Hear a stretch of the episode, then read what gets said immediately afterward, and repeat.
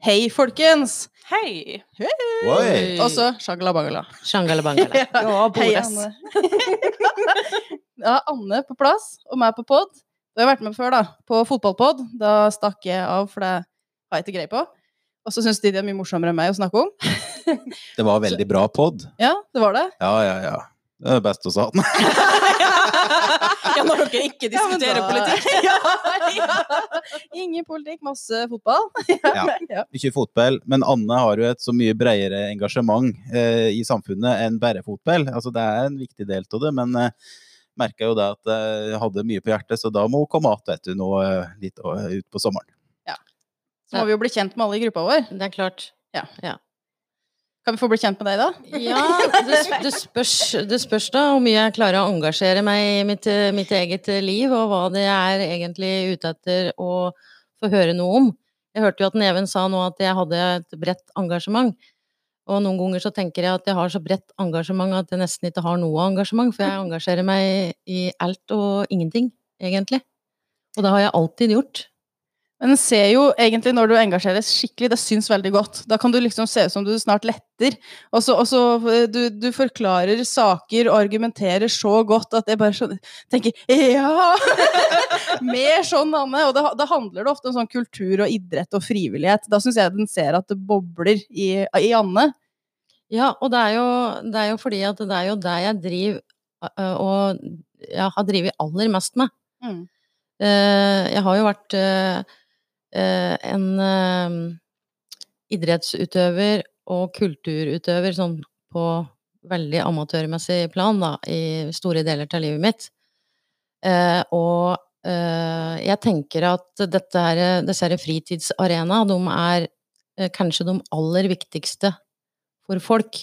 Hvordan du liksom former livet ditt, hvordan du får eh, oppgaver, hvordan du løser oppgaver, hvordan du eh, manøvrerer i livet, da. Eh, så, så er disse arenaene her, de er fri for klasse, de er fri for eh, det meste. Så det er, eh, etter mitt skjønn, eh, nesten det viktigste Og det er jo limet i samfunnet, da.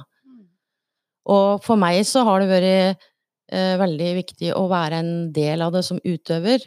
Eh, men som trener, som eh, leder, som tillitsvalgt i eh, både idretten og kulturlivet, eh, så har jeg jo sjølsagt vært til stede mye der mine egne unger har vært. Men samtidig så har jeg syntes det har vært så utrolig flott å være en del av alle andre unger sine liv. Å være med på å pushe, og være med på å rose, og være med på å løfte. Uh, ja. Så, så det, det er en veldig viktig del av den jeg er, da. Mm.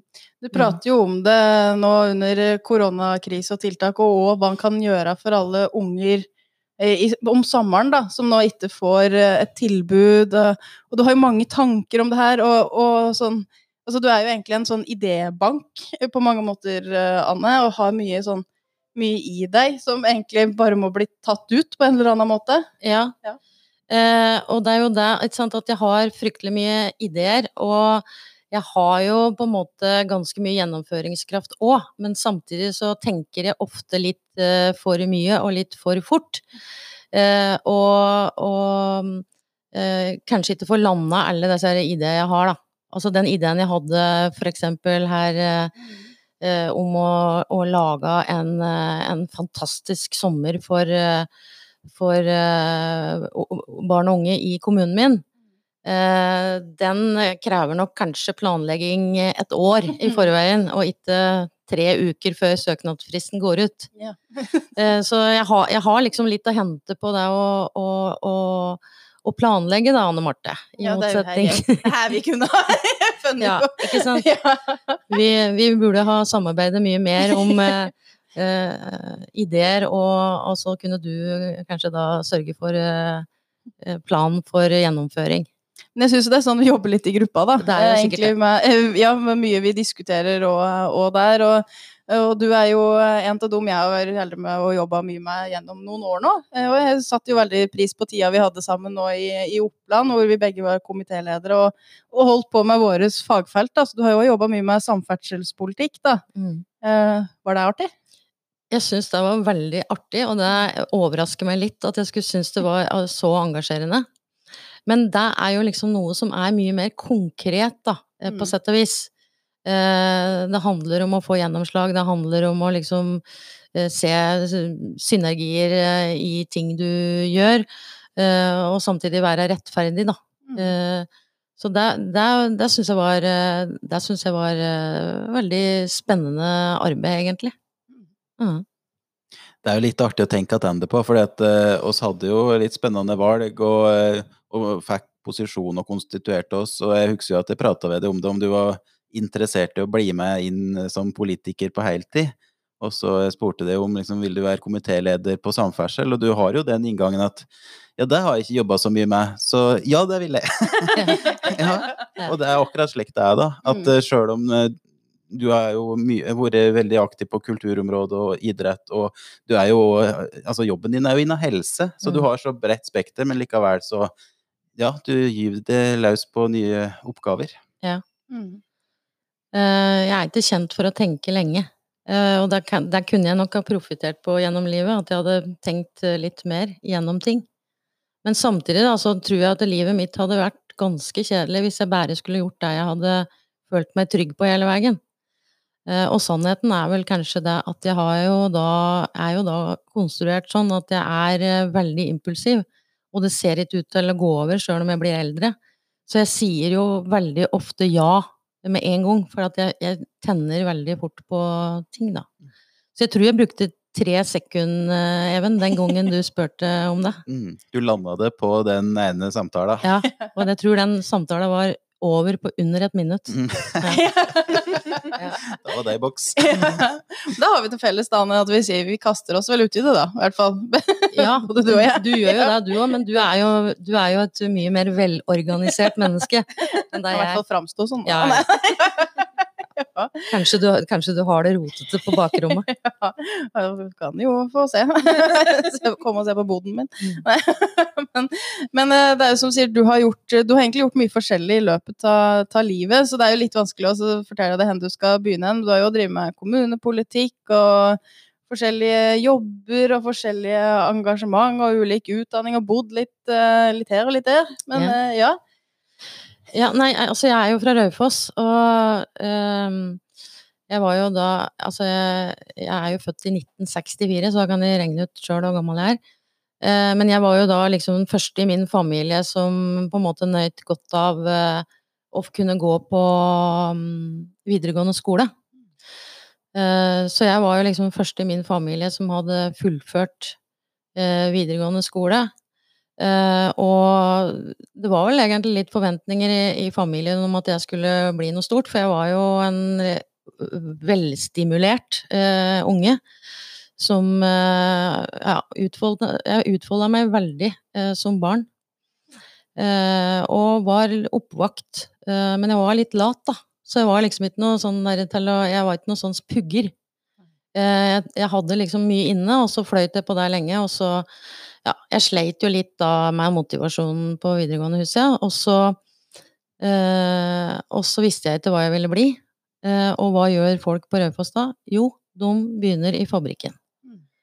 Mm. Så jeg eh, starta der, til min mors store fortvilelse, for at hun mente jo at jeg måtte jo Jeg måtte jo bruke de muligheter som nå plutselig var der, Mm. som hun følte at hun ikke hadde hatt. Eh, og så var jeg der eh, noen år. Eh, eh, mens jeg drev og tenkte på hva jeg skulle bli. Jeg skjønte jo at jeg var en ganske dårlig fabrikkarbeider. Jeg var ikke noe god på rutiner, jeg var ikke noe god på eh, adlyde ganske bøse sjefer, som det var på de arbeidsplasser jeg var på der, som var sånn ganske typiske kvinnearbeidsplasser. Masse kvinner som jobba der. Og eh, formannen var jo da mann. Eh, og det var litt sånn splitt og hersk og ja, ganske mye fæle ting egentlig som foregikk, da. Eh, og så var det sånn at eh, det dukka opp eh, Jeg visste jo ikke hva jeg skulle gjøre for å liksom komme meg videre, da.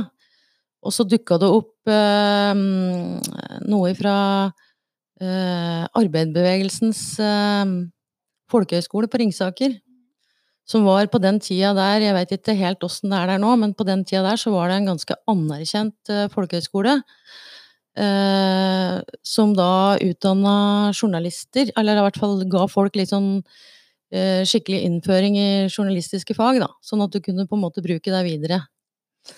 Um, og det var jo um, Det var jo veldig bra for meg å komme meg vekk ifra fabrikken, fordi ikke for deg Altså, jeg hadde fryktelig mye gode venner der, og hadde mye moro der og hele greia, men uh, det, det, lå nok ikke for meg å, å være, være fabrikkarbeider.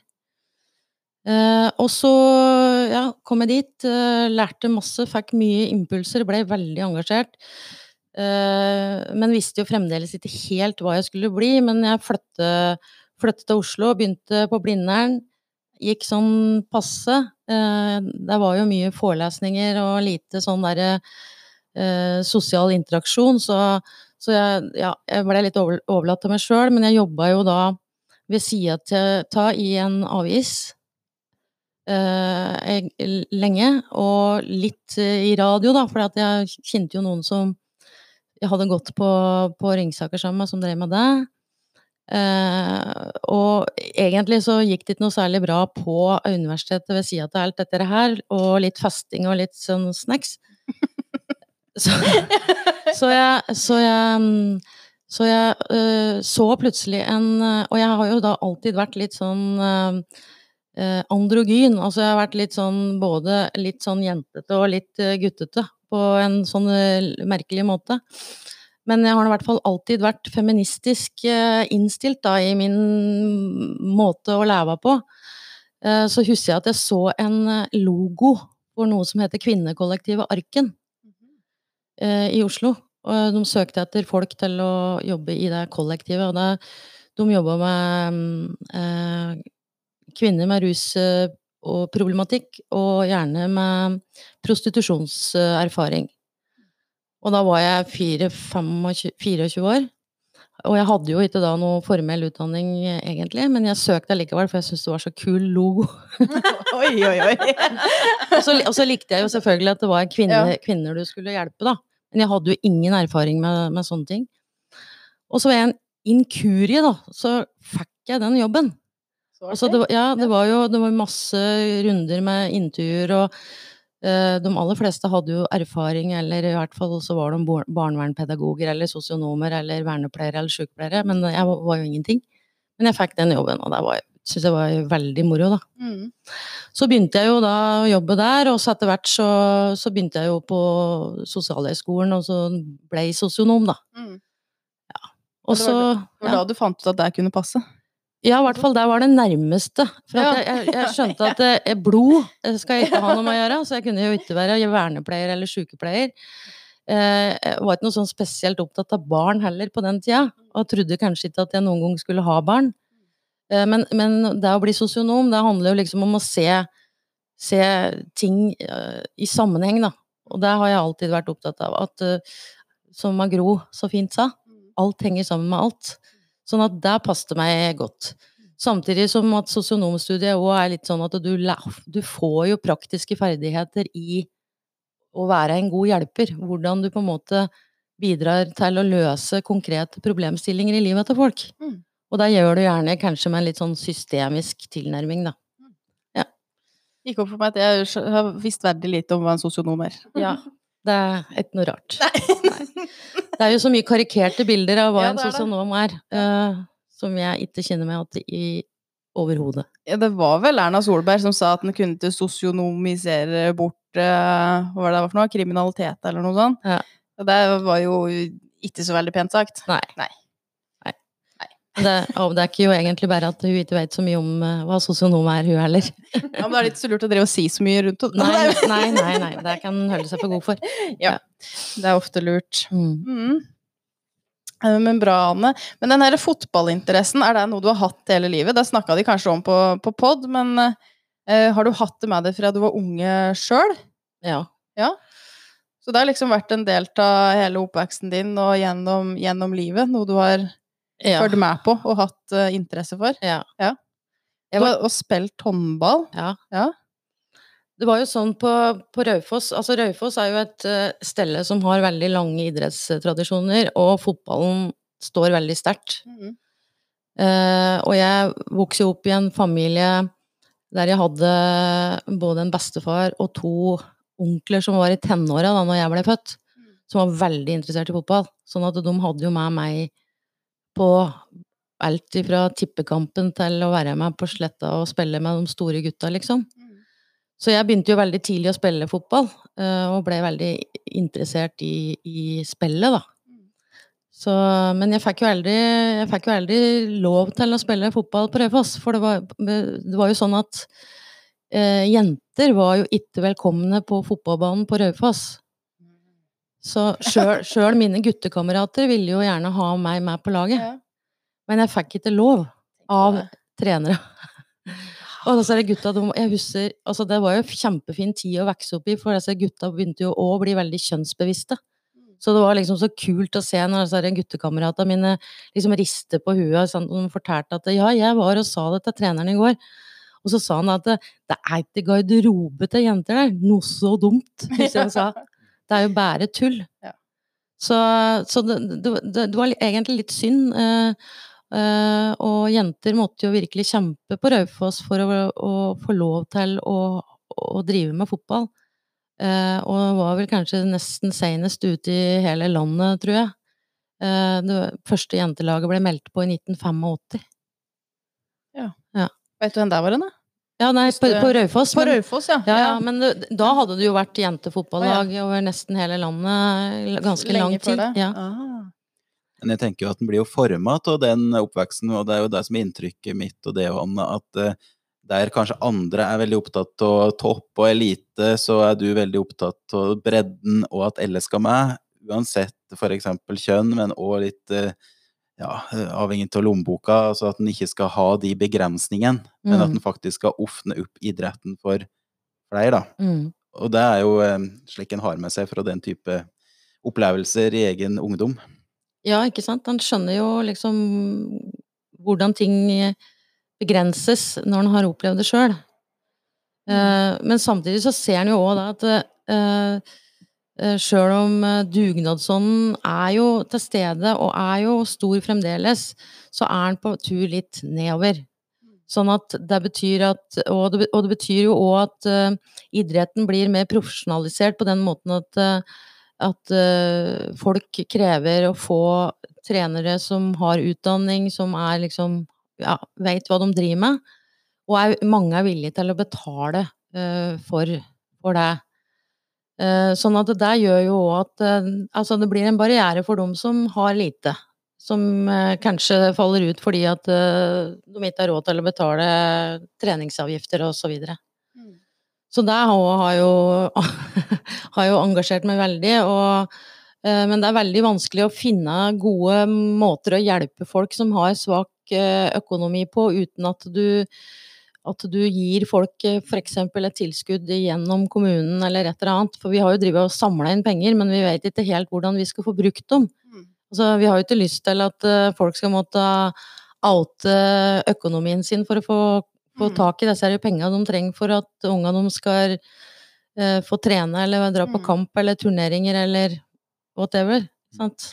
Nei, Det er jo derfor sånn som Arbeiderpartiet står for disse universelle ordningen. Altså at det skal komme alle til gode, alle skal møte opp på like vilkår, og det skal være gratis enkelte ting. da. Mm. Eh, sånn som skole og utdanning og sånn. Det skal være, være eh, noe du har krav på mm. uansett. Og jeg tenker også litt det samme med idretten. Vi har jo diskutert dette med kulturkort for ungdom f.eks. Og at det, også, det skal ikke være behovsprøvd, da. Det skal jo være for alle, mener jeg. Hvis en skal gå inn på sånne ordninger, så må det være en sånn universell Uh, altså, det er for alle, rett og slett. Det skal ikke være sånn at du føler du går på fattigkassa. Da. Nei, nettopp. Det, ja, det er akkurat det som må være uh, Og det mener jeg var forskjellen på vår politikk og ofte borgerlige partiers politikk. En ser det jo nå med at ja, du, tjener du så og så uh, lite, da, så kan du søke om å få redusert hva det koster å ha ungen din i barnehage. Men hvorfor skal det da være forskjell? Og hvorfor skal du gå, måtte gå over den i stedet for at du har billigere barnehage for alle, da, for mm. eksempel? Og sånne ting som er god sosialdemokratisk politikk, da. At du gjør det enklere og mer tilgjengelig for alle. Mm. Og kanskje betaler litt mer i skatt om som er mer. Det er det det handler om. Mm. Absolutt. Ja. ja. Det er jo dette her å prøve å unngå stigmatisering, for det er det det fort blir i lokalsamfunn hvis det er den her gå med luva i hånda-opplegget. Men jeg vet også diskuterte på flere områder, og altså f.eks.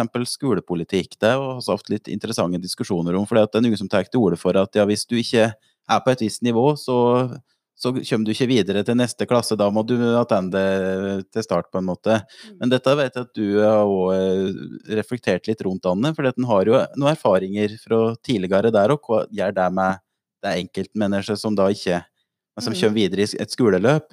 For det har jo vært slik før. Mm. Og så nå er jeg jo så heldig at jeg slapp uh, å oppleve det egentlig sjøl. Men Eh, jeg, jeg, hørte det jo liksom i min oppvekst eh, hvordan eh, de ble omtalt. De som hadde dumpa, som de kalte det, da. Sånn, jo ja, det var han der som måtte gå opp igjen sjette klasse. Mm. Eller å ja, det var hun, da, som ikke, ikke, ikke klarte fjerde klasse, liksom. Sånn at det, det er jeg, jeg, skjønner veldig godt at det er de som generasjonen før meg, da, som faktisk opplevde dette her, er ganske sterke motstandere av det. Fordi at du ble jo, du ble jo sosialt drept omtrent, da. Mm. Eh, ved at du ble definert som noen som ikke klarte, klarte det. Mm. Men samtidig så er det jo òg liksom noe med at det kan bli litt sånn misforstått den andre veien. For at jeg, jeg er jo nå i, i flerkulturelt uh, råd i Innlandet. Og der er de jo veldig opptatt av uh, dette her med at, uh, at, at folk skal få med seg Altså minoritetsspråklige skal få med seg den kunnskapen de faktisk trenger, da. Eh, for å klare seg, for å klare å ta et fagbrev, eller for å klare å komme seg videre i utdanningsløpet. Mm. Men, men, jeg tenker at eh, vi er vel ikke ferdigtenkt på hvordan en skal gjøre det. Og, og jeg tenker òg at, at, det å ta, begynne å ta hensyn til at folk som kommer til Norge når de er liksom ja, tolv år, Eh, så er det ikke gitt at de har vært hver dag på skolen siden de var seks. Eh, de færreste har egentlig det. Sånn at en må jo liksom gi folk tilstrekkelig tid og oppmerksomhet til at de skal kunne ha den nødvendige basisen for å, å, å klare seg sjøl, for det er jo det som er målet. Mm. Og det er jo akkurat dette her som ofte detter imellom prioriteringer, da, for å si det som, som, det er, da. Når du sitter og skal uh, få budsjetter til å gå i hop, så blir det ofte de standarder som er som blir og videreført, da, disse allmenne ordningen. Men vi har jo hatt i Oppland dette her med innføringsklasser, hadde vi. Sånn at du òg før du begynte på videregående, kunne ha en sånn type, type, innføring, da, så du klarer deg på videregående. Egentlig òg med språk, da. At du får en litt mjukere inngang, eksempel, til å komme inn på videregående. Men jeg mener jo, og å begynne å sette unge liksom tilbake til start er helt feil, altså. Eh, for det er også vidt spenn på unger og utvikling, og det mener jeg er bra. Eh, for at du òg lærer deg å håndtere at alle lærer ikke likt som meg. Eh, alle er ikke som meg, alle er ikke i samme tempo som meg. Vi er, men vi er liksom Vi er allikevel i samme klasse. Eh, og vi er likevel i samme gjeng. Og så er det sikkert òg er sikkert det òg preget av altså mitt, mitt, minste barn blir alltid minst i klasse. Han er jo født 31.12. Han kommer støtt til å være minstemann i sin klasse. Men jeg tror ikke det kommer til å prege han mer enn det må, da, på en måte. Jeg tror han er, uh, han er jo like meg som alle andre på sin alder. Uh, og så er det mange også, Han kunne jo begynt året etter. Nei, han kunne ikke det. Han er født i det året, og da begynner han på skole sammen med den gjengen han skal begynne på skole med. Så ikke så blir det jo i hvert fall spesiell, da. Eh, det er det òg. Vi må ikke gjøre hverandre mer spesielle enn vi er. Olav er jo verdens beste og mest spesielle for meg, men det er på en måte noe helt annet. men det er det her å hele tida gjøre folk til noe annet enn de er. Altså Alle er en del av dette her, og vi skal få det til å gå bra for andre. Nei, for alle. Og så må vi ha òg disse altså må jo mer ha, Kanskje du skal kunne bruke noen år ekstra på å fullføre. Kanskje det skal være helt greit. Mm. Eh, altså at du ikke må komme i mål innen da og da. At du ikke må ta den to pluss to-modellen med to år på skole og to år i lære. Kanskje det er greit å da jobbe i fem år og så ta fagbrev. Helt enig. Bare dette der mener jeg vi må liksom gjøre med utdanningspolitikken. Mm. Eh, mer fleksibilitet og nye Altså ta hensyn til individet, da, på en egentlig i fellesskolen. Mm. Ja. Det savner jeg litt i disse eh, overordna diskusjoner som det fort blir nå, med ny, nytt læreplanverk og mye som høres fint ut. Ja, så at den, skal være mer som um, strengere. Den skal være eh, Tøffere. tøffere ja, for dette, og hvis ikke folk er gode nok, så skal de liksom sorteres ut.